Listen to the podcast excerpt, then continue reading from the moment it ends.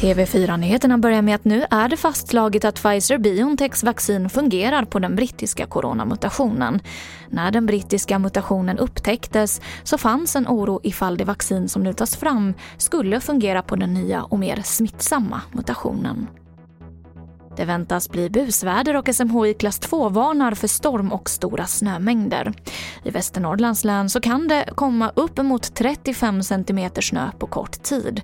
Och från och med ikväll så har SJ också beslutat att ställa in samtliga tåg till och från Jämtland och även trafiken mellan Sundsvall och Umeå på grund av vädret. Och så kan jag berätta att årets matbluff har utsetts av konsumentföreningen Äkta Vara. Och den något tvivelaktiga äran 2020 går till Pop Bakery smördeg som visat sig vara en smördeg som trots namnet inte innehåller något smör, däremot palmolja.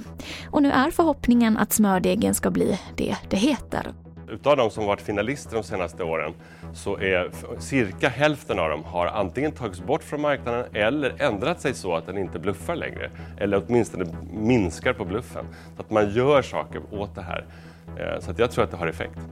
Det sa Björn Bernhardsson som är grundare av Äkta Vara.